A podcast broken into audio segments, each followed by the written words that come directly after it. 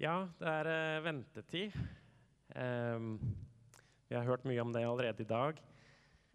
Um, mange barn de venter veldig på jula. Og kanskje er det også noen av oss ungdommer og litt eldre ungdommer som, som venter på jula. Med spenning, med forventning. Kanskje er det eh, mye annet vi også kan vente på i livet. Vi venter på den gode middagen som, eh, som eh, noen har laget til oss. Kanskje vi venter på at eksamen skal bli overstått. Vi venter på at noe vi gruer oss skal bli over, eller vi venter på noe vi gleder oss til. Noen ting som vi venter på i livet, det er eh, mindre sikkert. F.eks. du venter på å få drømmejobben. Eller du venter på å etablere familie. Eller kanskje du eh, har stor tro og venter på at et Start skal rykke opp til Eliteserien og bli der de neste 50 åra. Livet er et uh, usikkert prosjekt. Det er ikke alltid vi venter på som vi kan ha forventning til at det egentlig skal skje. Hva med å vente på Gud, vente på Herren? Har vi en forventning i våre liv til Gud? Der vi er i livet vårt? Er det noen garanti for at han er verdt å vente på? Å vente på Herren handler om kjennskap og tillit. Bibelen snakker ganske mye om dette med å vente. Og da er det ikke bare adventstida å vente på at Jesus skulle komme, men å vente på, på Gud, på hans hjelp i våre liv. En av tekstene fra søndagens tekster i dag er det antageligvis David som har skrevet. Vi skal lese noen vers fra Salme 33. Men Herrens øye hviler på dem som frykter ham og venter på hans miskunn, så han kan fri dem fra døden og holde dem i live gjennom hungersnød. Vår sjel venter på Herren. Han er vår hjelp og vårt skjold. Vårt, glede, vårt hjerte gleder seg i ham. Vi setter vår lit til Hans hellige navn. La din miskunn være over oss, Herre. Det er deg vi venter på. David han eh, ble prøvd i mange ting. Han skriver her at eh, det er eh, Gud jeg venter på i hungersnød. Vi har kanskje ikke opplevd det. Mange av salmene handler om at David venta på Guds hjelp når fiendene var ute etter ham og skulle ta livet av ham. Så sier han at Gud er vårt, vår hjelp og vårt skjold. Og midt i dette gleder vårt hjerte seg i ham, og vi kan stole på ham. Vi kan stole på Gud når vi venter på ham. Å vente på Herren handler om kjennskap til Gud og tillit til Gud. For en del år tilbake så opplevde jeg at vers, eh, noen av salmene til David ble veldig levende for meg. Jeg har vokst opp i trygge Norge, så plutselig så er jeg helt aleine. Altså ikke aleine, det var mange mennesker rundt meg i den byen jeg bodde i, men jeg var aleine som eh, nordmann og kristen akkurat der jeg bodde den tida. Og så opplever jeg en potensielt veldig farlig situasjon. Jeg hadde ingen jeg kunne ringe til, for det var ikke trygt. Jeg hadde ingen jeg kunne besøke som kunne be for meg. Så jeg går hjem eh, på rommet mitt og kneler ned ved senga det er bare Gud og meg. Gud, vil du hjelpe meg i denne situasjonen? Jeg begynte å lese salmene. Jeg tror jeg leste fem, fra salme 50 til 70 den kvelden. Og det var omtrent som at alle talte til meg. Hvem andre enn Gud kunne jeg gå til når jeg hadde en sånn situasjon?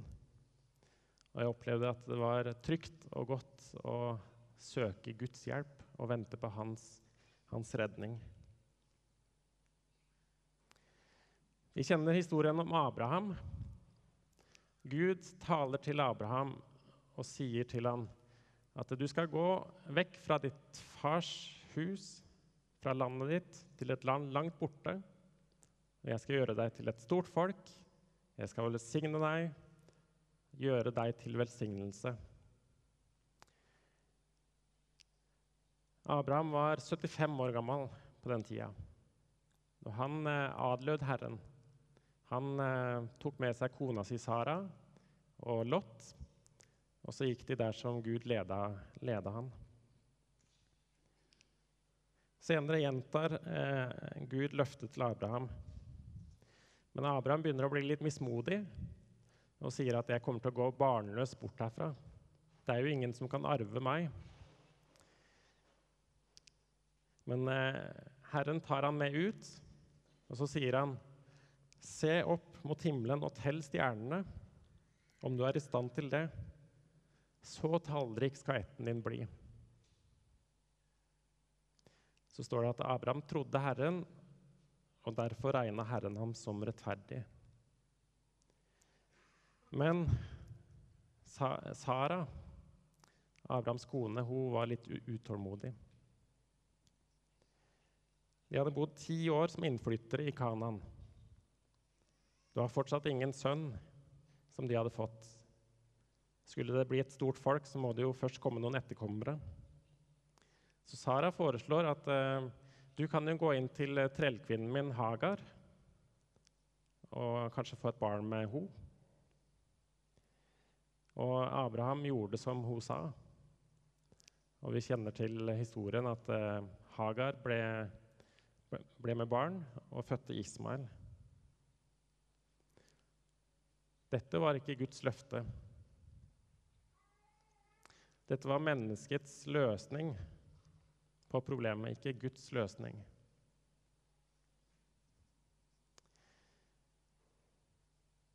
Men de ble utålmodige, klarte ikke å vente lenger. Men eh, det var ikke Guds løsning. Seinere blir Abraham 99 år gammel. Og så viser eh, Herren seg igjen for, for ham og gjentar løftet om at han skal få en sønn. Så står det da kasta Abraham seg til bakken, til jorden, og lo. Kan en mann som er 100 år, få barn? Og kan Sara med sine 90, 90 år føde? Ja, historien fortsetter noe. Sara også ler. Hun ler og, og tenker Skal jeg virkelig få barn, så gammel som jeg er? Men Herren sier, er det noe som er umulig for Herren? Neste år på samme tid kommer jeg igjen, og da skal Sara ha en sønn. Hun får en sønn som heter Isak. Det har gått 25 år med venting og menneskelige forsøk på å få løse problemet. Å vente på Herren handler om kjennskap og tillit. Kan vi virkelig stole på Herren? Kjenner vi Han sånn at vi, det er verdt å vente de 25 årene? Hva så med våre liv? Vi kan vente på jul, for det vet vi kommer. Men eh, Venter vi egentlig på Herren og hans ledelse og hans tiltale i våre liv i dag? Magnus Malm, en av de kjente kristne forfatterne i Sverige, skrev en bok i 2015 som heter 'Som om Gud ikke finnes'. Og Den tar for seg noe som er litt sånn eh, litt leit å se. Han skriver om kristenheten i, i Vesten at veldig mange kristne de har innretta livene sine og lever livene sine som om Gud ikke finnes. Med fornuft, med forstand. Uten noen forventning til at Gud skal, skal være en eh, aktiv, eh, handlende part i livene våre. Lever vi som at Gud ikke finnes? Har jeg innretta livet mitt sånn at eh, jeg klarer meg uten Gud? Har jeg mine egne menneskelige løsninger for å, å klare meg, for å skaffe meg det jeg trenger? Nå I adventstida kan det være godt å stoppe, stoppe litt opp og tenke på dette. Hvordan lever jeg, og hvordan lever vi livene våre? Hva venter vi av Gud, eller forventer vi av Gud? Lever jeg som en kristen, men uten egentlig å forvente noe av Han? Har jeg kristennavnet, men, men det er det?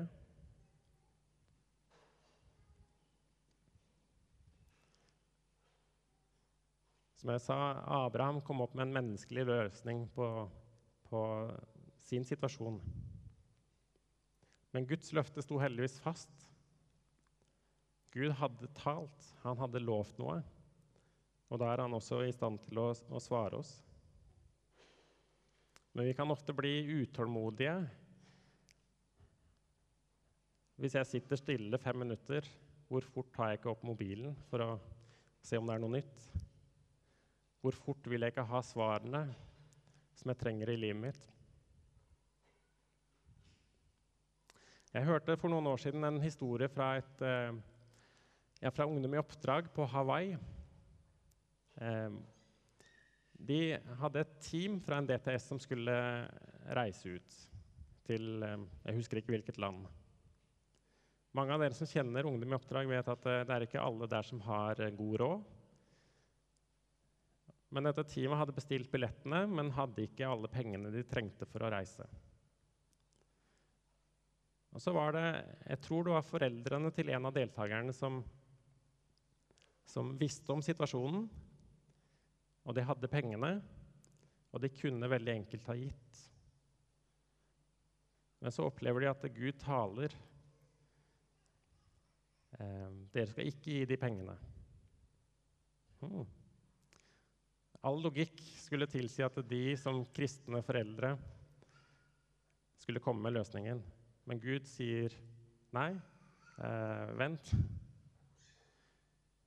Og Tida nærmer seg til avreise. Og hvis teamet ikke fikk de pengene de trengte, så ville ikke alle kunne reise. Så de lar være å betale. Og så i siste lita så kommer det noen andre som Gud har talt til. Dere skal gi noen penger til dette teamet. Og så blir det en, eh, en situasjon hvor, hvor, Gud får vise at han har kontrollen. Jeg tenker det er litt eh, dyp åndelig innsikt i denne historien. Det er ikke alltid at uh, vår menneskelige forstand er det som skal gjelde. Kanskje kan Gud lede oss til å gi penger. Kanskje kan han lede oss til å ta et steg tilbake og vente på hva Gud vil gjøre.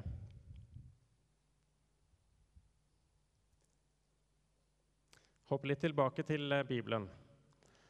Det gamle testamentet er full av profetier om, om Jesus som skulle komme. Det første løftet om en framtidig frelser kan vi se allerede i første Mosbok kapittel 3, rett etter syndefallet.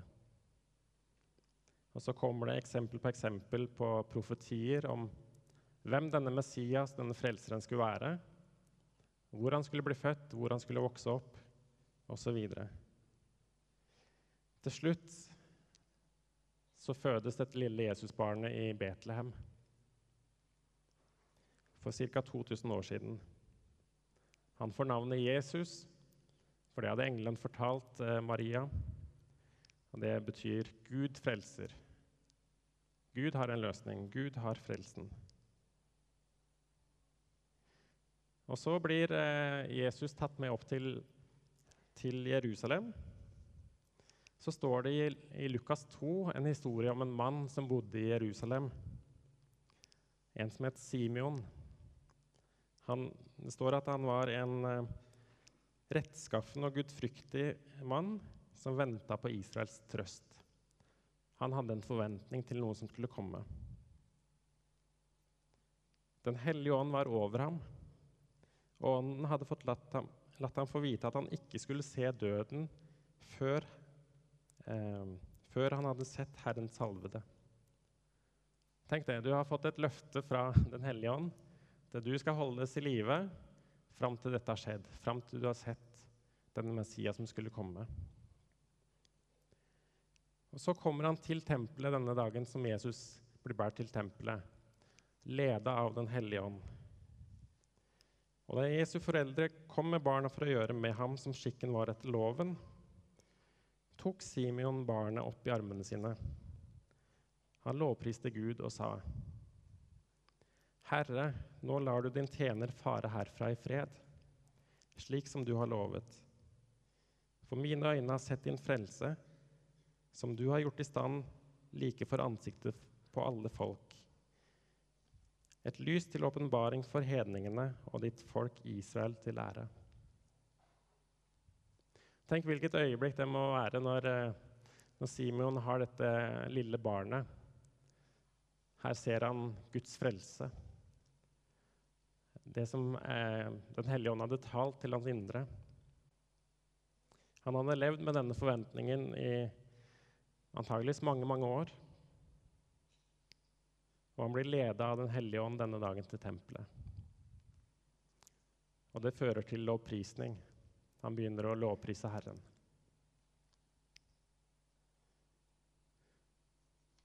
Jeg tror dette er noe av det når, når Gud gir oss denne forventningen til et eller annet som skal skje, når Han taler ved sin Hellige Ånd til deg og til meg i, i våre liv, så er det noe å holde fast på. Et løfte som vi kanskje ikke har sett skje ennå. Men hvis Gud har sagt noe, så vil det skje. Og Gud kan tale til oss på så mange forskjellige måter. Han taler gjennom Guds ord når vi leser det. Så blir Bibelen levende for oss. Han kan tale når vi er samla til gudstjeneste, til enkeltpersoner eller til fellesskapet. Han taler gjennom andre mennesker og gjennom situasjoner på måter som vi skjønner at det, dette er Gud som taler til oss. Og Da kan vi få begynne å leve med enda større forventning til hva Gud skal gjøre i livene våre. I oss og gjennom oss. Jeg har egentlig tre hovedting jeg ønsker å si med denne talen. Jeg har ikke snakka om det tredje ennå, men det første handler om at eh, for 2000 år siden så opplevde de at eh, den lovede Jesus, Messias, han kom. Så han kom da. Det andre er at uh, vi kan vente på Herrens hjelp i våre liv i dag. Så han kan komme igjen og igjen inn i våre liv, inn i våre situasjoner, inn i våre vanskeligheter. Det tredje jeg vil si, er at det, kanskje er det noen rundt deg, i ditt nabolag, i vår by, i landet vårt eller et land langt der borte som venter på at noen skal fortelle dem om denne Messias. Vi sang 'Joy to the World'. Ja, men det er ikke en glede for hele verden, dette budskapet om jula, hvis, hvis de ikke får høre om det. Det er veldig spennende å få høre om og lese noen historier om folkeslag Kanskje i Etiopia, som vi hørte fra her, eller andre steder som, som aldri har hørt om Jesus før.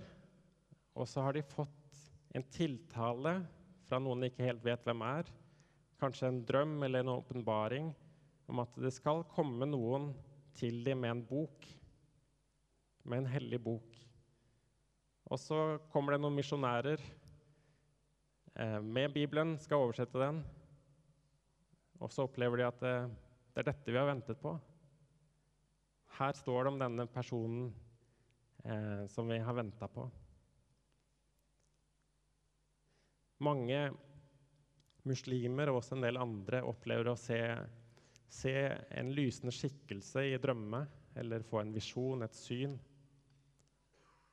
Så vet ikke helt hvem det er. Så venter de på at noen kan hjelpe dem å tolke hvem dette er. Det er Jesus som viser seg igjen og igjen til mennesker som, som kanskje aldri egentlig har, har, spurt etter ham, Men Gud kan legge den lengsel etter seg. En eh, Kina-misjonær, eh, veldig kjent, eh, Hudson Taylor, han dro til Kina på 1800-tallet. Så opplevde han at noen kinesere ble kristne, og de ble utrolig glade og takknemlige Og så spør disse kineserne Hudson Taylor er det, noen, er det mange kristne i England der du kommer fra? Eller har dere hatt Har du hørt om Jesus i mange år der? Eller er det fortsatt ukjent? Så svarer han at nei, vi, i England så har vi hatt kristendommen i mye over 1000 år. Og så sier de så har det ikke kommet hit til oss før nå. Måtte vi vente i over 1000 år på å få høre? Ja, det er faktisk realiteten. Det kan være at eh, det er noen rett rundt deg som venter på at eh, de skal bli invitert til kirka, som venter på at du skal komme en eh, hilsen, en oppmuntring, eller bare fortelle dem om hvem Jesus er. Tenk om, eh, om vi kan få være en del av bønnesvaret eller løsningen for mennesker som aldri har hørt før. Vi kan tenke at det er unådde folk. Det er langt der borte, langt vekk i stand. Det er faktisk nordmenn som vokser opp uten å kjenne noen kristne. Og I tillegg så kommer det mange mange innvandrere hit som noen av de har aldri hatt muligheten til å utforske hvem denne Jesus er, før de har kommet hit. Så tenker jeg, når de har kommet hit, er jeg klar? Er jeg villig til å dele Jesus med, med noen som har venta i århundrer? Eller skal vi la den sjansen gå fra dem?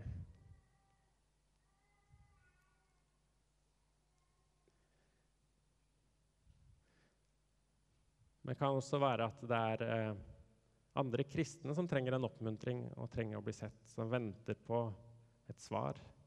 Noen som har bedt for noe i lang tid, noen som trenger en hilsen fra Gud. Skal vi gjøre sånn som Simeon og lytte til Den hellige ånd, hva han ønsker å si til oss? Skal vi ha forventning til at uh, Den hellige ånd vil både tale til oss og lede oss og bruke oss?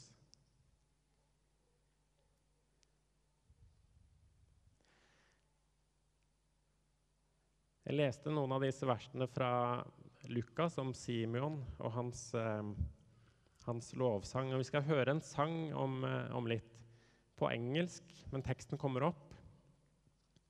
Jeg skal bare lese et par av disse versene som er oversatt til eh, norsk. Jesus, Jesus, ventetiden er over, og kongen har kommet til oss. Jesus, Jesus, nå kan vi prise deg for du som var lovet, har kommet. Når vi ser på deg, du som ble lovet, ser vi Guds ansikt foran oss. Ikke la oss vente med å bøye oss og beundre deg. Vår Herre, vår Gud og Konge i evighet. Akkurat slik Gud lovte, og som profeten sa. Nå er verdens håp kommet hit. Jesus kom for 2000 år siden, og han ønsker å være midt iblant oss, like levende som han var da, eh, og tale til oss. Skal vi høre på den sangen eh,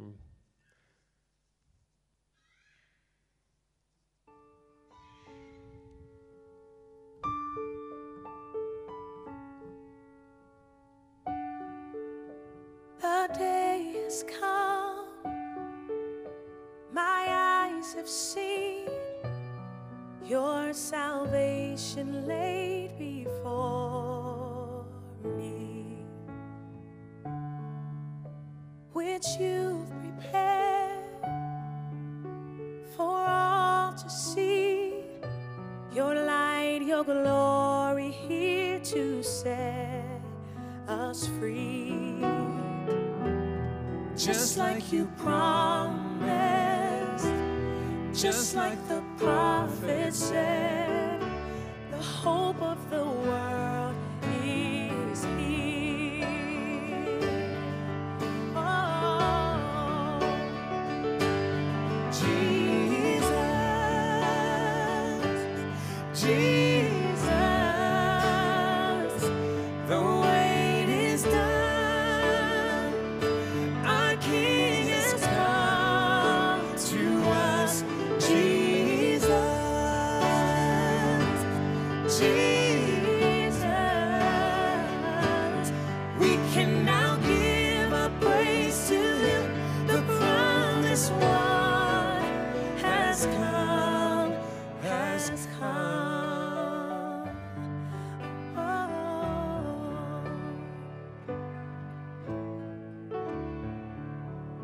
As we behold this one foretold, we see the face of God before us.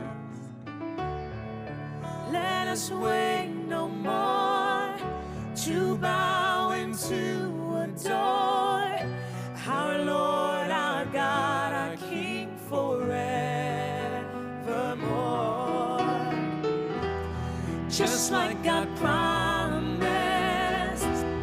just like the prophet said, the hope of the world is here.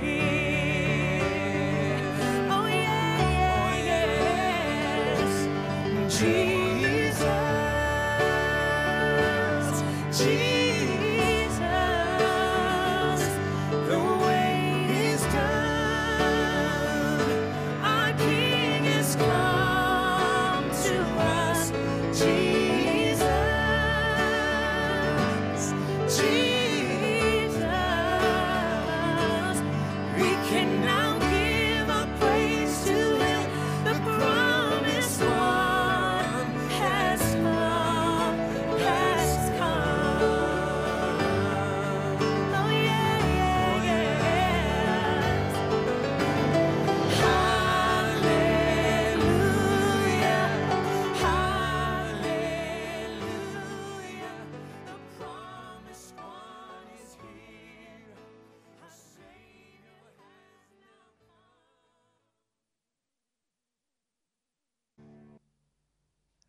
Det er mulig å, å få forbønn eh, på sida borte ved ribbeveggen her. Eh, kanskje du eh, ønsker å jeg, jeg kjenner ikke alle her. Kanskje du ønsker å invitere Jesus inn i livet ditt som frelseren. Han har kommet. Eh, kanskje står du i noe du venter med, som du strever med, noe du har bedt for i lang tid. Så er det godt å stå sammen med noen i forbønn. Eh, Kanskje lengter du etter å få mer lengsel. Eh, mer forventning til Gud. Så, eller kanskje noe helt annet. Så velkommen til forbønn.